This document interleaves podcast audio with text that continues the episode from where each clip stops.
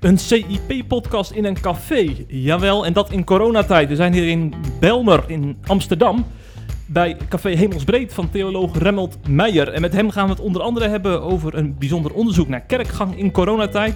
Over zijn eigen café ook. En ook nog eens over een briefwisseling tussen een kerkplanter en een predikant. Zijn we veel te veel gefocust op de zondag? Ja of nee?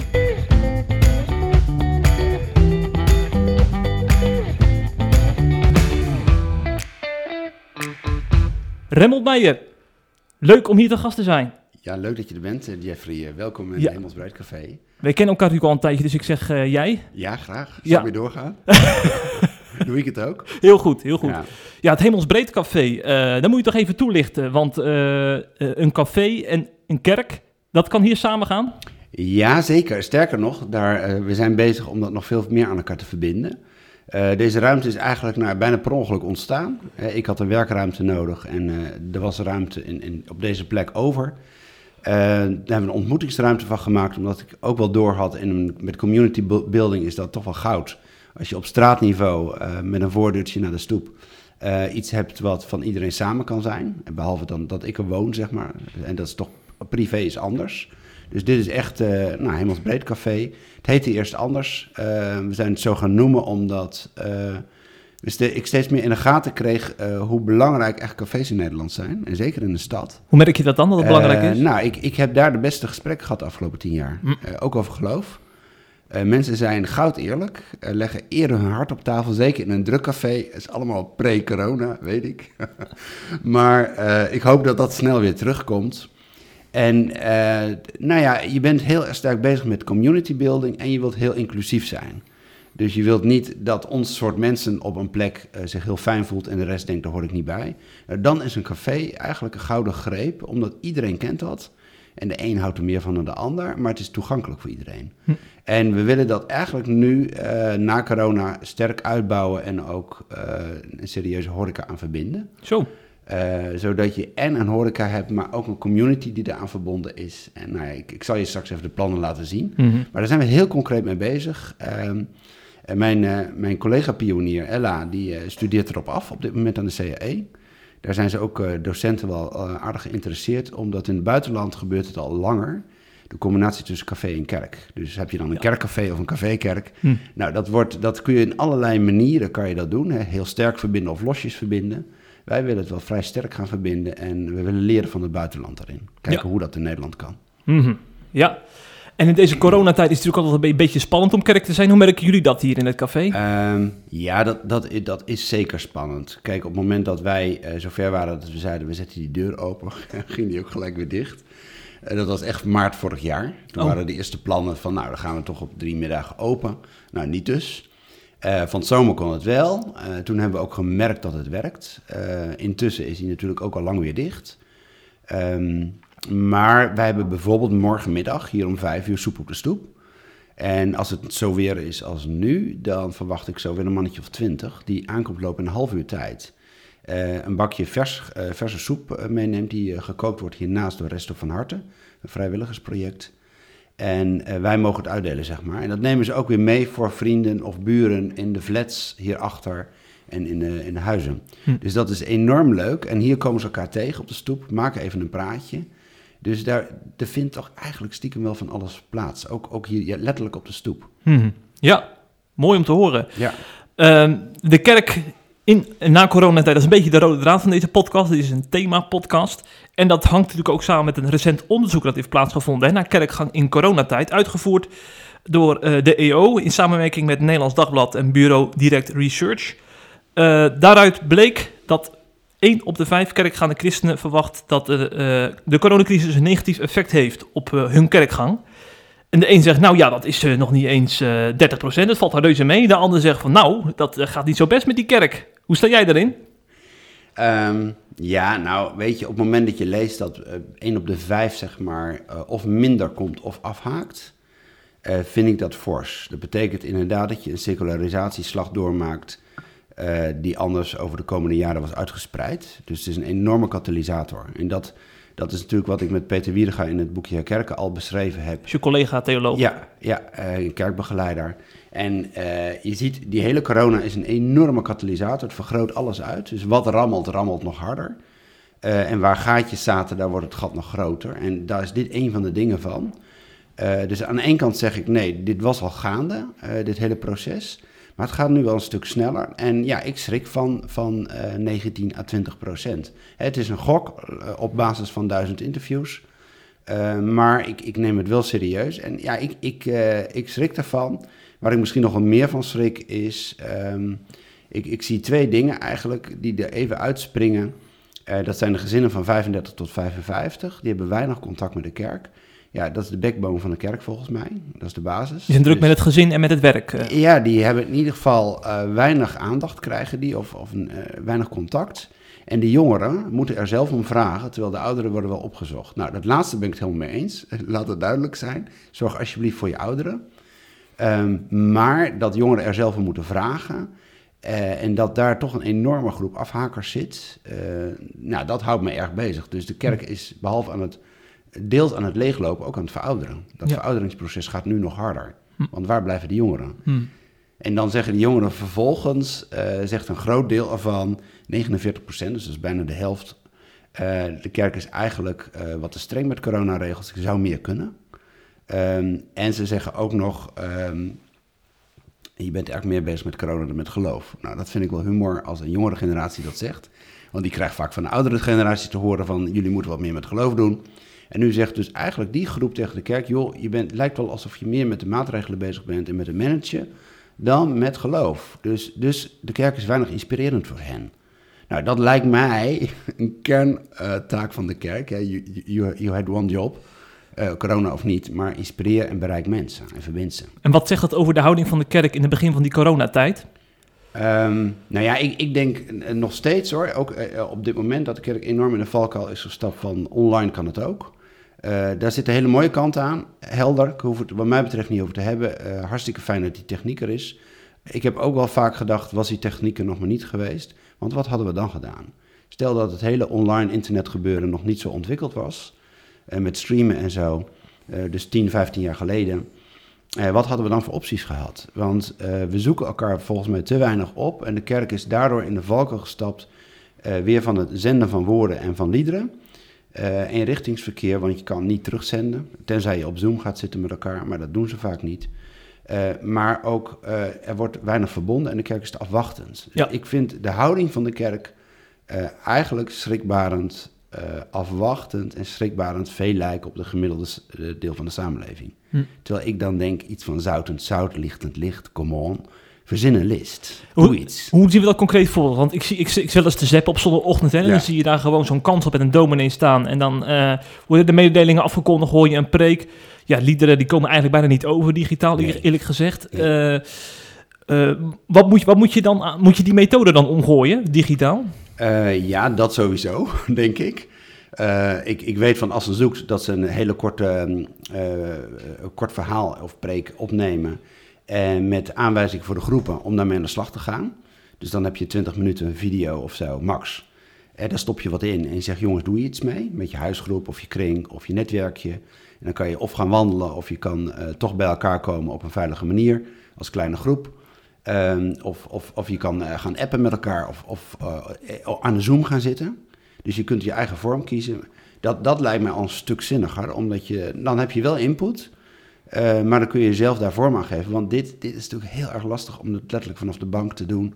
Met je plakje cake en te denken, ja, dit, dit raakt me in mijn hart. Dan denk je, ja, raakt dat je nog? Werkt dat? Hm. Ik betwijfel dat een beetje. En ik denk, nou, zouden we niet andere accenten gaan leggen? Ja. En jij uh, zegt kleine groepen. Uh, daar leg je natuurlijk met je collega Peter Wieninga ook focus op. Hè? Dat de kerk is niet een, een, een, verzameling van mensen die op zondagochtend tussen tien en half twaalf bij elkaar komt. Maar dat gaat door de week als het goed is gewoon door. Maar in veel kerken zie ik dat niet terug. Nee, ik, uh, ik ook niet. Dan zie ik natuurlijk ook gewoon heel veel niet, wat er wel gebeurt. Uh, dus, dus in die zin moet ik een slag om de arm houden. Maar het beeld dat, dat ik krijg is toch dat het, uh, het accent is toch wel de oude menukaart van vroeger. We hebben kerkdiensten. En als je dan vraagt wat heb je nog meer, dan zeggen ze we hebben ook nog middagkerkdiensten. Nou, dus meer van hetzelfde. Ehm, maar wat heb je verder dan? Ja, Hm. eigenlijk niet iets serieus. Eh, dus, dus de kerkdienst domineert enorm op de menukaart en de rest hangt er een beetje bij. En ik, ik denk dat, dat dit wel het moment is om eh, nou ja, te gaan omdenken en, en binnenste buiten te gaan werken. En te denken, wat kan er wel? En, en iets buiten te doen, iets in kleine groepen. Maar dan moet je een, een infrastructuurtje bouwen om, om Hm. mensen te bereiken en om zo gek te krijgen om dat te doen. En want ik hoor ook wel de klacht van, ja, maar gemeenteleden willen dat helemaal niet. Eh, die vinden het eigenlijk ook wel best, die online kerkdienst. Dus ik zou hem niet elke week aanbieden als ik een advies mag geven. Ik zou hem gewoon om de week aanbieden om eens te beginnen. Eh, of nog minder, of een, inderdaad een mini-versie voor groepen. En ik zou eh, structureel op, op groepen en netwerkjes gaan inzetten. Hm, hm. Maar goed, het, Ja. vraagt, het vraagt creativiteit en, en het kost veel ruis en het kost veel pijn en moeite, want we moeten ons oude patroon al loslaten. Hm. En dat is lastig voor heel veel mensen en dat Ja. snap ik ook wel. Over oude pa- patronen gesproken. Eh, er wordt nu gesproken over een geestelijke nood, hè, omdat eh, nu digitaal kerk zijn de, de, de bovenhand krijgt. En de mensen op allerlei eigen tijden ook dan die kerkdiensten terugkijken. Dus om die geestelijke nood tegen te gaan, heeft een kerk op Ur- Urk besloten om toch maar weer alle deuren open te zetten. en weer samen te komen op zondag met meer dan 500 mensen per kerkdienst. Heb jij hier begrip voor? Want, want die oude patronen die kunnen mensen ook helpen om, om dat geloofsleven weer een boost te geven, zo gezegd. Ja, ja nee, ik, ik snap wat er gebeurt. Eh, ik, snap dat best. Ehm, en het is afgelopen week behoorlijk uit de hand gelopen op Urk en op, op nog een plek. Eh, en ik wil daar eigenlijk niet te veel van vinden, want ik zie in de reacties dat christenen enorm hard reageren op hun eh, soortgenoten. En er niet bij willen horen, zich schamen. En, het, het- en er gaan ook dingen fout. Ehm, maar ehm, snap ik het? Ja, ik, ik snap het aan de ene kant goed. En ik vind de, de, de, de hele situatie rond kerkdiensten ook lastig. Het duurt erg lang. Het duurt een, enorm lang. Ehm, maar ik, ik, ja, ik, ik zou zelf andere keuzes maken. Hm. Eh, omdat ehm, ik, nu zit je in een kerk waar anders 1500 man zit, eh, zit je met 500 of zo. Of 350. Dus waar zitten die anderen? Die, die hebben daar dus even niks aan dat moment. Ehm, dus zo, ik, zou, ik zou liever zoeken naar een oplossing voor die hele gemeente dan. Ehm, en ja, dan moet je toch op dit moment even iets anders verzinnen dan een gewone kerkdienst met zoveel mensen. Ja, creatiever zijn eh, in die zin. in Ja, creatiever ja, zijn. ja. En toch maar het risico nemen dat dit een tijd is, misschien niet van kerkdiensten. Ja. Alle prediker, maar dat dit een tijd is om andere dingen te doen. Ja. Alles heeft een tijd. Nou ja, nu even niet dus. In hoeverre sluit dat verlangen naar die oude patronen aan bij dat onderzoek waar we het net over hadden? Zie je dat daar ook in terug? Ehm, nou ja, ehm, eigenlijk wel. Ehm, Ja. Kijk, eh, het gaat allemaal over de, de kerkdienst. Onderzoek is overigens in die zin ook wel een beetje in de valkuil gestapt. Want het heeft de, het kerkdienstbezoek gemeten. Eh, dus zitten er nog blinde vlekken in het onderzoek van wat gebeurt daaromheen. Daar is Oh ja. niet, niet op doorgevraagd. Eh, je ziet er wel sporen van, hè, want mensen missen dingen. De, de steen op mijn maag is eigenlijk dat, eh, ik moet even kijken, ik geloof ja, 40% van de mensen, van de ondervraagden, zegt eh, de kerk had, zou meer een voortrekkersrol in de samenleving hebben moeten nemen. En dat, dat is echt de steen op mijn maag. En wat dat betreft, eh, als het over kerk na corona gaat, denk ik, ja, dan schaam ik me. Dan ben ik ook gewoon onzeker van, lukt het ons? Want als we er nu niet zijn, eh, gewoon als zout of licht of, of plek van hoop, ja, is het dan straks wel relevant dat we er dan wel weer zijn als alles weer open gaat. Ehm, en kunnen we dat? Lukt ons dat? Eh, want waarom zijn we er nu niet? Waarom nemen we die voortrekkersrol niet? Eh, dus dat zit me enorm dwars eigenlijk. Maar wat, wat moet, moet ik me aan denken als het gaat om een voortrekkersrol, concreet? Eh, nou ja, iedereen zit achter zijn voordeur. ehm, en de, de, de kerk zou toch de plek moeten zijn waar mensen eh daardoor heen weten te breken. En contacten weten te leggen. En een beetje hoop verspreiden. Eh, een beetje liefde. Wij hebben afgelopen zondag hier Bidcafé gehad. Dus een paar mensen komen dan binnen. Een paar gaan een eh, gebedswandeling doen. En een paar gaan met de bakfiets hier bij het winkelcentrum koffie uitdelen. Nou, die komen na een uur jubelend terug. Die zijn nog haast het meest in de heer van allemaal. Eh, want die hebben zoveel leuke reacties gehad en zoveel leuke gesprekjes. En binnen een uur is die koffiekan leeg van 2,5 liter. Dus er is enorm behoefte gewoon aan dat gebaar van ik zie je. Er is aandacht, er is verbinding. Ehm, en dat is maar een heel klein gebaar. En bedenk maar tien betere. Dan, eh, ik, ik zou zeggen, eh, eh, ik doe met je mee. Dit is maar één dingetje wat wij dan toevallig doen met Hemelsbreed. Ehm, maar ik denk dat de kerk, dat dat plekken, momenten zijn dat je even een voortreksel kan hebben van jij, wij zijn er wel. Ja. Er is heel veel niet, maar wij zijn er wel. Ja, die signaalfunctie is enorm belangrijk. Hè? Want als je te afwachtend bent en je, en je bent inderdaad niet zichtbaar zoals de jongeren merken, ja, dan, dan, dan, dan laat je dus je rol liggen, blijkbaar. Ja, ik denk dat de kerk een enorme rol laat liggen. Eigenlijk plat gezegd komt het erop neer, de gemiddelde kerk, eh, ik, ik, goeie, heel veel mooie uitzonderingen daar gelaten, want die zijn er echt. Uh, maar de gemiddelde kerk vertoont gewoon hetzelfde onzekere, afwachtende patroon van laten we dit overleven en, en, en, hopen dat het overgaat als de rest van de samenleving. Ja. Terwijl de kerk heeft, wat mij betreft, een andere missie. Die heeft een, wat dat betreft een, een, een tegenbeweging, zou die moeten zijn, van, van liefde, van genade, van hoop, ook van lef. Hm. Uh, lef zonder dat we uh, stomme risico's gaan nemen, hè? laat het duidelijk zijn. Sluit ook, nee, nee, uh, dat, dus ik noem geen, bedoel geen dom lef, van we gaan, God beschermt ons wel, we gaan bij elkaar zitten, op een manier die niet kan. Maar er zijn een heleboel manieren die wel kunnen. En zichtbaarheid. Vrijdag gaan wij hier met Goede Vrijdag, gaan wij Goede Vrijdagwandeling, een, een, een passion walk organiseren. Die kan je per twee lopen of in je eentje. Nou, is de overheid blij en wij zijn blij genoeg. We zouden hem liever met een grotere groep doen. We zouden nog liever nog andere dingen doen. Maar ehm, mensen krijgen een uur, anderhalf, krijgen ze het leidersverhaal mee. Als ze naar een aantal punten lopen hier in de wijk, in de parken, hier achter in de buurten. Uh, en ik, ik, uh, vorig jaar hebben we ook iets, zoiets gedaan. Toen waren mensen enorm geraakt. Dus dat zijn momenten, kleine momenten van verbinding, maar ook van impact. Uh, donderdag hebben we een online maaltijd. Waar we een soort proefmaaltijd houden van het, het, zeg maar het bitter en het zoet. in navolging eigenlijk van, van de Pesach. daarmee verbonden, maar wel op een andere eigen, nou, laten we zeggen, christelijke manier. Dus niet het Joodse feest naspelen zozeer. Maar wel dat idee overnemen van Jezus zat dat feest te vieren. Het is het feest van, van lijden en van opstaan. Dus dat gaan we online vieren nadat we de ingrediënten samen koken en hier uitwisselen. Hm. Nou, Kijk. wat gebeurt er? Uh, ik geloof het eigenlijk nog steeds niet helemaal. mijn vrouw Alinke regelt dat met een paar anderen. ze zegt, nou, ze heeft zo tien namen genoemd van mensen die hier wel eens aanwippen, maar zeker niet tot de kerngroep behoren. Dus de een naar de ander neemt de ander mee. En de ander zegt, ja, mijn buurman doet ook mee. En die is zelf niet eens vast, vaste deelnemer, zeg maar. Hm. Dus juist een, een brede rand om ons heen zegt, wat een leuk idee, wij doen mee. Ja. Uh, nou, dat maakt me heel erg gelukkig. Mhm. Dan denk ik van, nou, dan is het slechts een online maaltijd. Ik zou het een stuk leuker vinden als we het echt deden. Uh, maar ik hoop toch dat we elkaar iets kunnen vertellen. Ook van, uh, ik wil tijdens de maaltijd een paar mensen vragen... om voor de Zoom te vertellen van, joh, wat was, hoe kijk je terug op dit jaar als het gaat om het bitter en om het zoet. En was God daarin? Heb je iets van God gemerkt? Nou, vertel dat eens aan de groep die aan de, aan de schermen zit. Nou, dat lijkt me geweldig. Dan ben je toch gewoon bezig met de mooiste dingen die er zijn. Mm-hmm. Ja.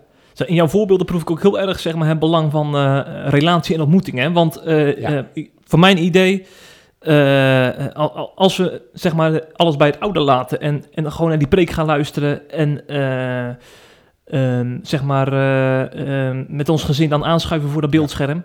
Dan heb je al heel erg gauw een soort liturgie geloof van die, die we dan afgaan.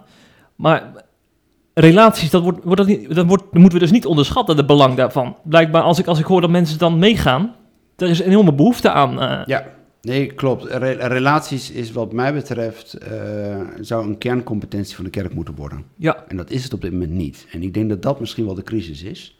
We doen heel veel goede dingen, echt wel. En of je nou een wat meer evangelische worship format hebt... of een prachtige reformatorische liturgie...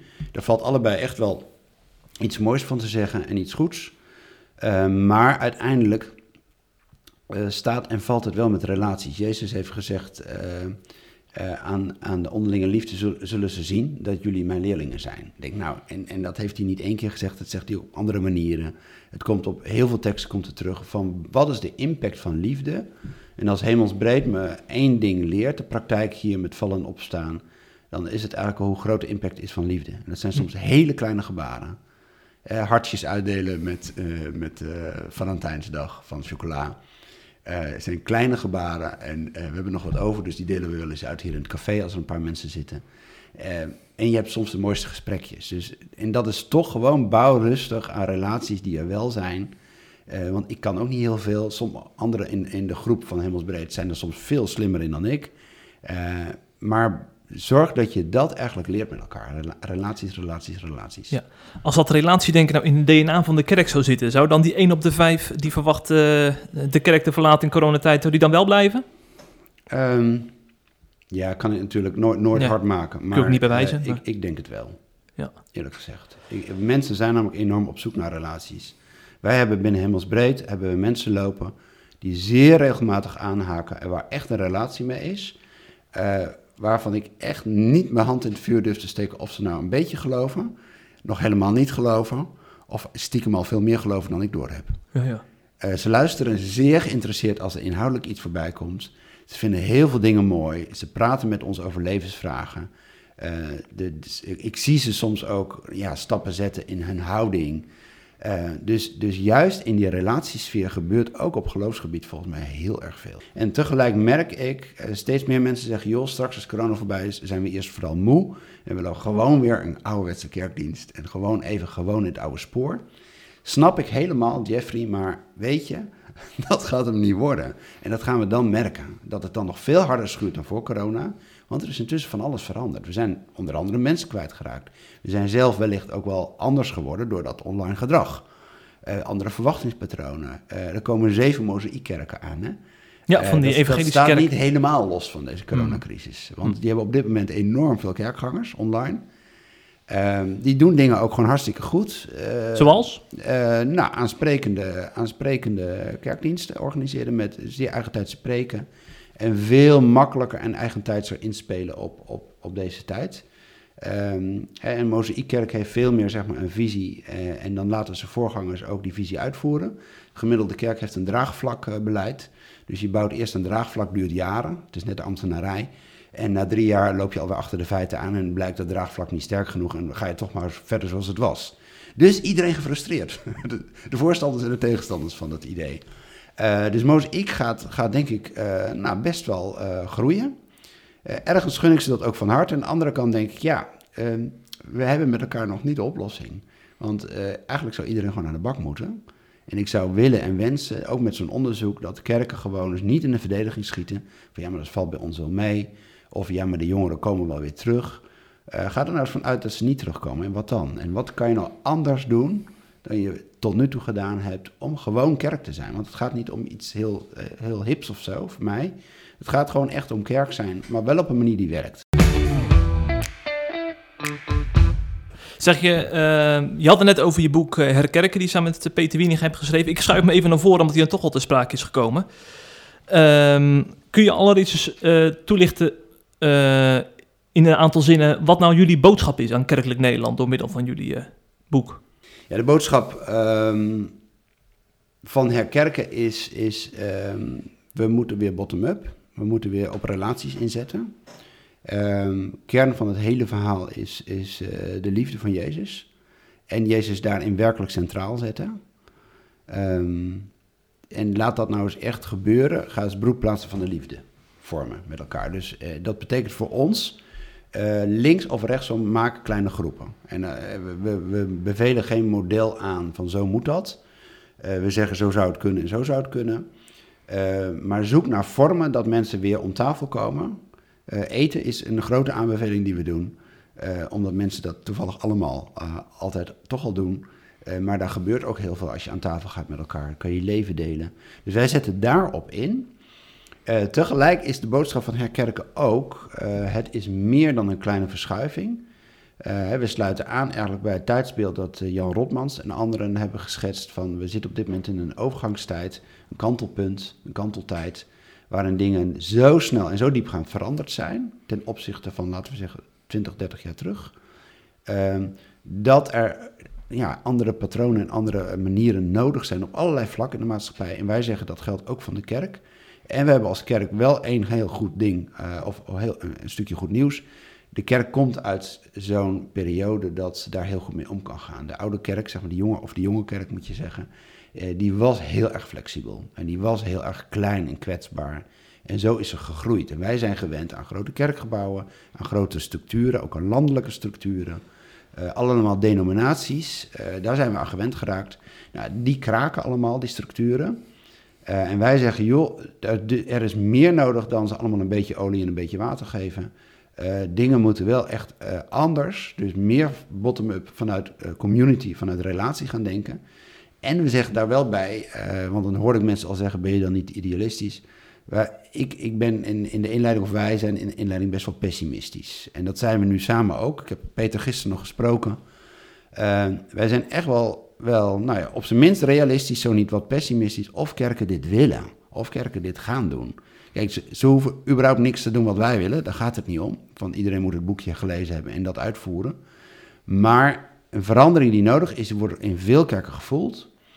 En tegelijk merken we een enorme weerstand om er echt iets aan te doen. Waar komt die weerstand vandaan? Nou, dan wordt er tegen mij gezegd, joh, maar die, die ouderling is ook gewoon moe. Die heeft kinderen thuis en die, eh, die heeft op dit moment ook nog eh, homeschooling een beetje. En eh, corona en thuiswerken, dus die is gewoon moe. En als hij straks in de kerk zit, wil hij gewoon lekker, lekker naar een preek luisteren. En Oude vertrouwde. Ja.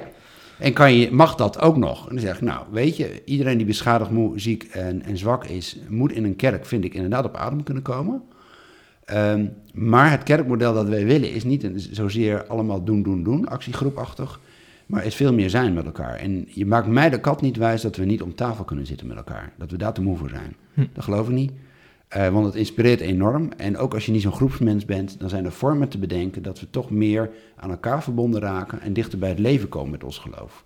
Want dat ontbreekt wel een beetje intussen. Eh, De liturgie is ook wel wat gaan zweven. Eh, welke kerk ik ook spreek over missionair zijn, of het staat niet eens in het plan, of het staat er wel maar als een soort wishful thinking. Ja, we zouden ook wel iets missionairder willen zijn. En dan zeg je, maar welke stappen zou je dan willen doen? Of welke ervaring heb je daarin? Dan zeg je, ja, eigenlijk weinig, want het lukt niet zo. Hm. Ik, nou, we moeten dus een manier, een, een kleine kanteling in onze manier van doen eh, proberen klaar te krijgen. eh, zodat het, het missionaire gewoon meer natuurlijk wordt. En missionair is voor mij echt niet op de zeepkist, helemaal niet. Maar wel heb je betekenis in je buurt, maak je een klein beetje impact, eh, verspreid je een klein beetje liefde. Dat, dat in ieder geval. Ja. En dat mist nu te vaak, staat op het lijstje, maar het wordt niet bij de prioriteiten gezet. En ik merk vaak ook als het dan hierover gaat, de mensen worden een beetje zenuwachtig, want die denken dan ook van, ja, ik heb al zo'n volle agenda. Moet ik dadelijk nog de wijk in? Eh, moeten we weer eh, di- dingen gaan doen? Terwijl het nu juist misschien wat overzichtelijker is, zeg maar, dat, het, kerkpatroon. Ik zou zeggen, je krijgt het minder druk. Minder In- druk. In, ieder geval met vergaderen, want er hoeft minder vergaderen het is nu een vergadercultuur nu, We hè? hebben een vergadercultuur. Eh, met daarbij heel weinig succeservaring. Ik denk als je er technisch naar kijkt, vanuit management, eh, mensen zijn hard aan het werken in een kerkraad. Ze merken niet veel dat ze veel verschil maken. Maar ja, ze hebben wel verantwoordelijkheid, dus ze moeten wel blijven zitten. Ze moeten over allerlei vervelende onderwerpen vergaderen en de boel een beetje bij elkaar houden. En na vier jaar mogen ze een stokje overdragen. Dat is een beetje het patroon. En als je dan niet ervaring hebt dat, dat eh, het wel moeite heeft gekost en tranen, maar dat je ook hele mooie dingen hebt gezien, dingen van geloof, hoop en liefde, eh, ja, dan wil je niet nog een keer in het ambt of in de bediening. Dan denk je, nou, een ander mag het nu doen. Mhm. Dus, en dat zie je heel veel. Mensen haken af. En ik snap dat wel. Als, je- als je inderdaad de boel een beetje aan het in stand houden bent en aan het overleven, dat is niet zo boeiend. Dus ik denk juist minder vergaderen en meer leven met elkaar zou een stuk ontspanning geven. En ja, dat vraagt wel wat van je tijd. En het leven met elkaar, dat houdt bijvoorbeeld in samen eten, eh, samen bijbelstudie doen door de week, dat soort dingen, denk je dan? Ja, samen eten eh, of doe eens iets in je buurt. Doe eens iets met de opschoondag mee. Of doe een buurtbarbecue. eh of of eh, ga eens geven om een bepaalde groep waar je wat mee hebt. eh, met je eigen kring bijvoorbeeld. Zeg, joh, wij hebben wat met jongeren. Nou, dan doe je wat met jongeren in de wijk bijvoorbeeld. Of in je eigen gemeente. Maar ga, ga die activiteiten die we nu zeg maar, centraal organiseren, is wat decentraler verbinden aan groepen die er echt hard voor hebben. Ik bedoel, mensen die ergens hard voor hebben, kunnen het vaak op zo'n mooie manier doen. En die krijgen er alleen maar meer energie van. Ja, dat is heel wat anders dan dat het je taak is. En dat het moet omdat het nou eenmaal nou ja, bij de organisatie hoort. Dus Mhm. ik zou het dichterbij willen brengen, de dingen. En de dingen die dan niet gebeuren, ja, die gebeuren dan dus niet. Ja, ja. Al mijn, maar mijn beeld nou een beetje van zeg maar, de, de traditionele kerk is, zoals we die kennen, is dat er, je hebt zeg maar, eh, bijvoorbeeld een evangelisatiecommissie die trekt erop uit. Je hebt een missionair werker die trekt erop uit. Dan heb je ook nog de diaconie die dan voor eh, de, de, de kwetsbaren in de samenleving eh, zorgt. En dan heb je nog een hele grote groep die gewoon eh, zeg maar, door de week eh, op kantoor zit. Ja. Druk is met gezin. Die komt dan op zondag naar de kerk om, om eh, een mooie boodschap te horen. Ja. Maar over het algemeen niet actief is, zeg maar. Dat is toch een, een kleinere gro- groep. Dat is een beetje mijn beeld nu van, van veel kerken. Mijn beeld ook. Ja. Ja. En, ja, en dat beeld wat, jullie, wat jij met Peter schetst, wat, wat is dat anders ten opzichte van dit beeld wat ik nu... eh, Ehm, Dat zou bijvoorbeeld zijn dat die uh, diaken uh, met, met uh, vijf groepen heel intensief contact heeft. En met de rest van de gemeente wat minder. Dat doet wel een andere diaken. Zijn tenslotte met vaak een groepje. en met die vijf, vijf groepen zit hij best wel lekker tussen. De, een van die groepen is hij ook lid van. Is hij gewoon onderdeel. En dan zeggen ze, Piet, je hebt hard gewerkt van de week. kunnen we wat voor je doen? ga je nu met de benen op tafel? En, en, en, maar vertel eens, wat heb je meegemaakt? En dan zou hij hen inspireren om, om dat stukje diaconaat gewoon te doen met elkaar. En doe je het samen? Ja, en die missionair werker zit in een andere groep die zegt, joh, weet je hoe gaaf het is om uh, met die doelgroepen gesprekken te hebben over levensvragen? Wie doet er mee? Nou, en dan, dan doen ze dat met een groepje. Uh, dus die mensen zouden er meer tussen zitten en, en, en op die manier met elkaar optrekken en met elkaar er, er vorm aan geven. En eigenaar zijn meer van dat stukje. En als je dat dan zegt, dan zijn mensen heel erg bang. Dan zeg je, ja, maar dan zien we elkaar niet altijd meer als geheel. Dan krijg je groepjes in de kerk. Dan denk je, ja, maar wat heb je nu dan? Nu, nu, zitten we overal tussenin. Dus wees blij dat je met dat groepje goed optrekt. En hoe leuk is het als al die groepjes eens een keer, eens in de zoveel weken, of eventueel elke zondag, maar uh, eens bij elkaar komt. En, dan, en elkaar dan ook de verhalen vertelt. Vertel dan een paar verhalen aan die grote groep. Uh, en heb dan een prachtige preek. En zing met elkaar het volle borst een goed lied en bid tot God. Dan, en denk dat je dan een gepassioneerde kerkdienst hebt, maar vanuit een praktijk. En nu is die praktijk vaak onzichtbaar en rust loodzwaar op een kleine groep hm. die het moet trekken. Ja. Dat werkt niet. Hm. Over de praktijk gesproken, wie met de poten in de modder staat, zo gezegd, is Erik Bakker, hè? kerkplanter in het zuiden van Nederland, in uh, Noord-Brabant om precies te zijn. Ja, Ook al eerder in Limburg actief geweest. En uh, uh, hij heeft ook echt hart voor, voor die uh, gebieden waar nog weinig kerken zijn. Heeft ook hart voor kleine groepen, hè, want volgens hem is dat ook het DNA van de kerk. En hij heeft ook kritiek op hoe kerken nou in deze coronatijd staan. Hij zegt, hij spreekt van nieuwe wijn in oude zakken. Eigenlijk alles wat we al deden, we doen nu hetzelfde, alleen dan digitaal. En dat heeft ons aangespoord om een briefwisseling te starten tussen hem en een predikant die gewoon vanuit de traditionele volkskerk komt. Om te kijken of, of, ten, of ze nou dingen in elkaar herkennen. Ik heb twee brieven naar jou gestuurd, ja. Uh, Remmelt. Ja. Wat is jouw indruk tot nu toe? um, ja, mijn indruk is dat, dat Erik best wel zijn hart op tafel legt. Um, in, die, in die brief van hem. En, en ik, ik hoor de kerkplanter en de, de, de missionaire man uh, ook wel vanuit veel ervaring spreken. Um, en, uh, en, ik zie Wim, uh, Wim Dekker, nou toch wel de status quo wat verdedigen, de volkskerk. Ja. Dat hij zegt, ja, maar in het dorp zus en zo werkt het anders. Um, en het, het aparte is dat ik dan Wim Dekker hoor zeggen, ja, maar voor die kleine groepen, niks mis mee, maar dan is het leven ook wel heel overzichtelijk. Dan weet je wie erbij hoort en wie niet. En dan denk ik, uh, lieve Wim, dat is niet het geval. Uh, ik weet echt niet soms wie erbij horen hier en wie niet. Uh, kortom, iedereen hoort erbij. Maar uh, hoe mensen in het geloof zitten en hoe betrokken, dat, dat is enorm complex. Juist als je, zoals, zoals Erik en, en wij hier, bezig bent uh, op de rand van de kerk. Um, dus, dus het is heel complex. En dat, dat, ja, ik vind dat terug bij Erik. En ik, uh, ja, zijn, zijn opmerking over nieuwe wijn en oude zakken is, is pijnlijk, is hard. Uh, en ja, ik denk wel terecht. De tekst van Jezus houdt mij al jaren bezig, uh, omdat hij hem ook wel een beetje zo bedoelt. Uh, als je hem leest. Uh, kijk, wat, wat uh, Jezus geeft daar echt wel een, een, een sneer, vind ik haast, uit de pan. van joh, denk niet dat je op die manier kunt werken in het leven. En wat, wat je ziet is dat wij juist na zoveel jaar kerkgeschiedenis die, die oude vertrouwde zakken maar blijven repareren. Um, en en het, het gevaar is dat ik dan de kritiek over me, op me afroep. dat ik dus de, de kerk wil weggooien of, of aan het kerkbesje ben. Uh, ik hou echt van de kerk, maar ik hou niet van oude zakken. Niet omdat de zakken niet meer, omdat ze nooit mooi zijn geweest, maar ze zijn intussen oud en ze zijn lek. Uh, en, en, nieuwe wijn kon je niet in leren zakken nog een keer doen, omdat het gistingsproces was veel te pittig voor dat leer. Dus je krijgt scheuren, dus je krijgt er uh, lucht bij en, en, het hele proces gaat stuk. Dus de wijn is stuk en de zak is stuk, daar komt het op neer. Hm. Uh, en toch zie je dat precies gebeuren in huidige kerkstructuren. Uh, we handhaven ze grotendeels, we veren een beetje mee. En intussen zie je dus dat de mensen afhaken. Dus mensen gaan stuk, zeg maar. De, de leden gaan stuk. Eh, maar je ziet ook dat, dat de manier van kerk zijn zoals die was, hè, zo, die mijn opa zeg maar heel erg mooi heeft gevonden, die is intussen eigenlijk ook wel een beetje stuk. Want het gaat toch wel echt wel anders op onderdelen. Dus we houden het ook niet zoals het was.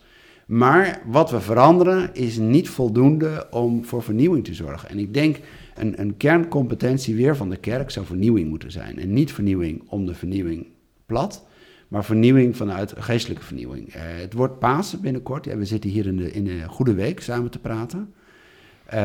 Nou, Pasen is het feest, het christelijke feest van vernieuwing. Van nieuw leven, dwars door dood heen. Dat is de boodschap waar Jezus de eerste christenen mee op pad stuurt. Uh, van ik sta op uit de dood en ik neem jullie mee in dat proces. Nou, dat is kei spannend. Uh, maar dat betekent wel dat we ook in onze vormen, voor mij, tenminste altijd moeten zoeken naar nieuwheid. Uh, en dat, dat kan soms aan de buitenkant zichtbaar zijn, maar we, we, branden hier ook kaarsjes in het café. Nou, dat is al een hele oude vorm. Waren protestanten alleen een paar eeuwen kwijt. Ja, wij kunnen hem weer gebruiken. Het werkt hier, zeg maar, laat ik het zo zeggen. Dus is het goed.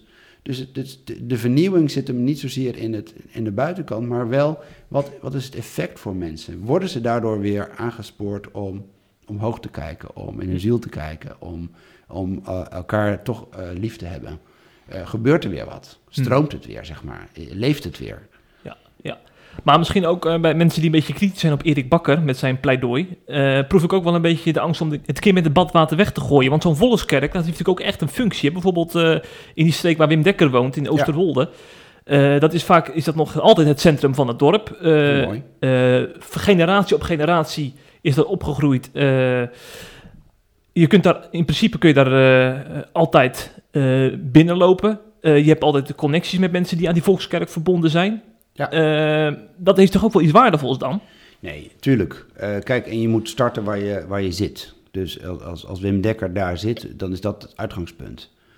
Um, en zo'n volkskerk uh, biedt kansen, maar het is ook heel enorm ingewikkeld. Omdat de, de mate van verbondenheid um, kan ook heel erg, zeg maar, verwaterd zijn. Dus um, aan de buitenkant zijn gaan zitten. Een beetje de kat die zich meer hecht aan het huis dan aan de baas. Uh, dat, nou, dat biedt de kans om opnieuw uh, met die kat zeg maar, een relatie aan te gaan. En misschien lukt dat dan. Uh, want die kat loopt er nog wel rond. Nou, hartstikke mooi. Dus, dus in dat dorp wees aanwezig en doe goede dingen. maar ga niet achteroverleunen op, weer op het oude model van centrale kerkdiensten. Want laten we wel zijn, in die kerk van Wim Dekker komt driekwart tot, tot meer niet in die kerkdienst. Ik heb zelf vijf jaar op een dorp gewoond. Dat was een hervormde kerk. Het was een heel klein kerkje, maar ze hadden, uh, als ik me niet vergis, 2.500 leden. Nou, dat vind ik spannend, laat hm. ik het zo zeggen. Zo, ja. Snap je? Dus er kon, uh, geloof ik, 150 man zitten. Dus ja. ik had zoiets van, en waar zijn de stoelen voor de rest van? Ja, die waren op papier lid. Dus volkskerk is ook enorm ingewikkeld. Zeker. Ja. Dus pak je kansen. je hebt die mensen nog ergens op een lijst. Je komt ze tegen bij de supermarkt. Dus je kan wat mij betreft helemaal losgaan. Dat moet je vooral doen. Maar dat betekent volgens mij juist de missionaire manier van denken. En zoeken naar manier, nieuwe manieren om die mensen in die oude volkskerk dan weer te verbinden. Hm. En ik denk dat, dat dat toch eigenlijk is wat Erik zegt. Uh, kijk, ik ben met Wim eens. Uh, kleine groepen hebben ook de grote ja. groep nodig. Dat zegt hij ook. Hè? En die ja. hebben toerusting nodig. En dat zeggen wij in ons boekje Herkerken ook. Hm. Uh, dus de, de, de waarde van theologen in je midden uh, moet je koesteren. De waarde van andere mensen en, en de waarde van een, een balans houden met elkaar. Want een kleine groep kan heel makkelijk uit balans gaan of omvallen. De grote angst, zeg maar, ook bij mensen die uit de volkskerk komen, is dat er kleine groepjes ontstaan, dat het een soort vriendengroepjes zijn. En waarbij inderdaad een, een, een theoloog of een dominee ontbreekt die soms eventjes uh, ja. kan zeggen waar het op staat vanuit de Bijbel, zeg maar. Hè? Ja, ja, tegenover van het evangelie misstand, zeg maar, zoals dat zo mooi heet. Tuurlijk, en dat, dat, dat is het risico. Dus, dus moeten we er goed in worden om een kerk te zijn van toerusting en coaching. Uh, ik zeg dus niet, en wij zeggen in ons boekje totaal niet, begin met kleine groepen, laten mensen hun eigen ding doen. Maar dat is wel precies wat er in die mooie kerk, bestaande kerk, gebeurt op dit moment. De meeste groepen, bijbelgroepen en kleine groepen, worden volledig aan het eigen initiatief overgelaten. Nou, dat vind ik nou dom. Vind ik gewoon dom. Uh, ik geloof echt wel dat die mensen goede dingen doen. Maar ik zou het toch fijn vinden als je daar eens belangs ging van, joh, waar loop je tegenaan? En hey, kun je deze schetsjes gebruiken en kunnen we materiaal voor jullie ontwikkelen? Uh, wat heb je nodig om uh, te bloeien? Want heel veel groepen eh, zijn ook aan het overleven gegaan. Ja, het gaat niet zo lekker in de groep, maar ik wil er ook niet uitstappen. Maar ja, je kent elkaar al jaren. Ja, ik wil ook niet naar een andere groep, maar er gebeurt eigenlijk niet zoveel meer. Nou, zorg dat er wel weer wat gebeurt. Dus, eh, en, en geef coaching, zeg maar, en ondersteuning. Eh, en verbind groepen in hun DNA aan hun buitenwereld. Want ik denk dat dat een van de grootste eh, valkuilen is voor kleine groepen, dat ze inderdaad naar binnen gericht raken. Wat ze overigens gewoon geleerd hebben in de kerkdienst, want die is ook naar binnen gericht. Dus ze hebben het van geen vreemde. En het is ook een sociologisch principe. Een groep wordt steeds hechter, sluit en uiteindelijk moet er dan niemand meer bij, want we zijn zo leuk met elkaar. Ik heb het letterlijk meegemaakt, ook in, de, in, de, in de aanloop van Hemelsbreed. Uh, dus dat, dat ga je tegenkomen en ik denk dat ik het nog wel vaker ga tegenkomen. Dus daar moet je, daar moet je bij zijn. Dus daar heeft Dekker gelijk aan. Maar dan, dan zeg ik met, met Erik Bakker, uh, zorg dan dat je, dat je daarbij bent als kerk en niet je alleen maar richt op die kerkdienst. Hm, hm. Heldere boodschappen, Remmelt. Zeg, en voor mensen die uh, in, zo'n, in een kerk zitten en er ook allemaal uh, een beetje in vastlopen, en hoe moeten we dat nou rondbreien in deze coronatijd, die kunnen dus als bij jou als kerkbegeleider terecht, hè? Want je, je bent niet alleen, alleen café-eigenaar, maar je bent ook nog eens begeleider. Ja, klopt. Nee, ik ben ZZP-begeleider. Uh, ik doe steeds meer samen met Peter, ook wel door ons boek. Uh, dus we hebben elkaar gisteren nog aan de lijn gehad over plannen om uh, aan het boek Herkerken ook modules te koppelen, ja. waarin je die je kunt bieden aan groepen en kerken die echt hier iets mee willen. Hm. En, want wij hebben wel zelf als kerkbegeleiders zoiets van, wij willen wel steeds meer ons focussen op de groepen die dit echt willen. Uh, A, wil ik niet een andere kerk gaan voorschrijven wat ze moeten als ze niet willen. Maar B, het heeft gewoon geen effect. Ik word er heel moe van. Dus ik wil graag, ik, ik gun een kerk een andere visie. Ik zeg ook niet dat ik de wijsheid in pacht heb. Uh, wij denken erover zoals we geschreven hebben. Uh, en gaan graag met groepen en netwerken aan de slag die zeggen: ja, maar hoe doe je dat? Wat zou een eerste stap zijn? En een tweede stap kan je ons helpen. Ja. Dus dan zijn wij inderdaad beschikbaar, Peter en ik. Ja. En ik denk daarna een groeiend netwerk van kerkbegeleiders. Hmm. Hopen wij. Ja, ja, ja. Uh, nou, we hebben behoorlijk wat besproken, Remmelt, uh, hier in het Hemelsbreed Café. Ik hoop uh, voor jou dat er komende zomer uh, de deuren hier wagenwijd open kunnen en dat uh, op gepaste afstand hier het café vol komt te zitten. Want daar is het café voor bedoeld. Het is niet bedoeld om hier met twee mensen nee, precies. een koffietje te drinken, maar dit moet helemaal vol zitten natuurlijk, hè? Ja, ik zou hem graag vol zien en ik zou hem graag bijvoorbeeld in de winkelstraat zien heropenen op een andere locatie en dat je dan ook van de koffie zeg maar kan leven. Uh, met een aantal mensen. En, uh, en die community nog meer kan verbinden aan, ja. aan de buurt eigenlijk. En de buurt aan de community. Ja. Dus dat lijkt me geweldig. De Belmer kan zijn borst nat maken. Hemelsbreed gaat zich nog laten horen de komende jaren hier. Ja, dat zijn we wel van plan. En we ja. hebben ook enorm veel goede contacten. je wordt hier echt wel warm onthaald, ook door de gemeente Amsterdam. Hm. Dus dat moet ik ook zeggen. en het is een multiculturele wijk die, ja, ik vind hem heel erg mooi. Er hm. wonen echt hele mooie mensen. En tegelijk leven we nog heel erg op onze eigen gesegregeerde veldjes, zeg maar. Uh, qua cultuur en afkomst. Maar het, het, mengt meer, ook bij de hemelsbreed mengt het meer. Uh, dus ja, ik word er heel gelukkig van. En daar liggen enorme kansen. Ja, ik zou zeggen, maak er wat moois van. En heel veel wijsheid uh, toegewenst met het mooie initiatief. Bedankt ook voor je analyse over kerksen in coronatijd. Ik denk dat wij heel wat wijzer zijn geworden. Ook wat handreiking hebben meegekregen voor onze eigen kerken. En uh, tegen de luisteraars zou ik zeggen, wees er een volgende keer weer bij. Misschien dan geen themapodcast, maar dan weer gewoon een nieuwspodcast. In ieder geval, tot de volgende keer.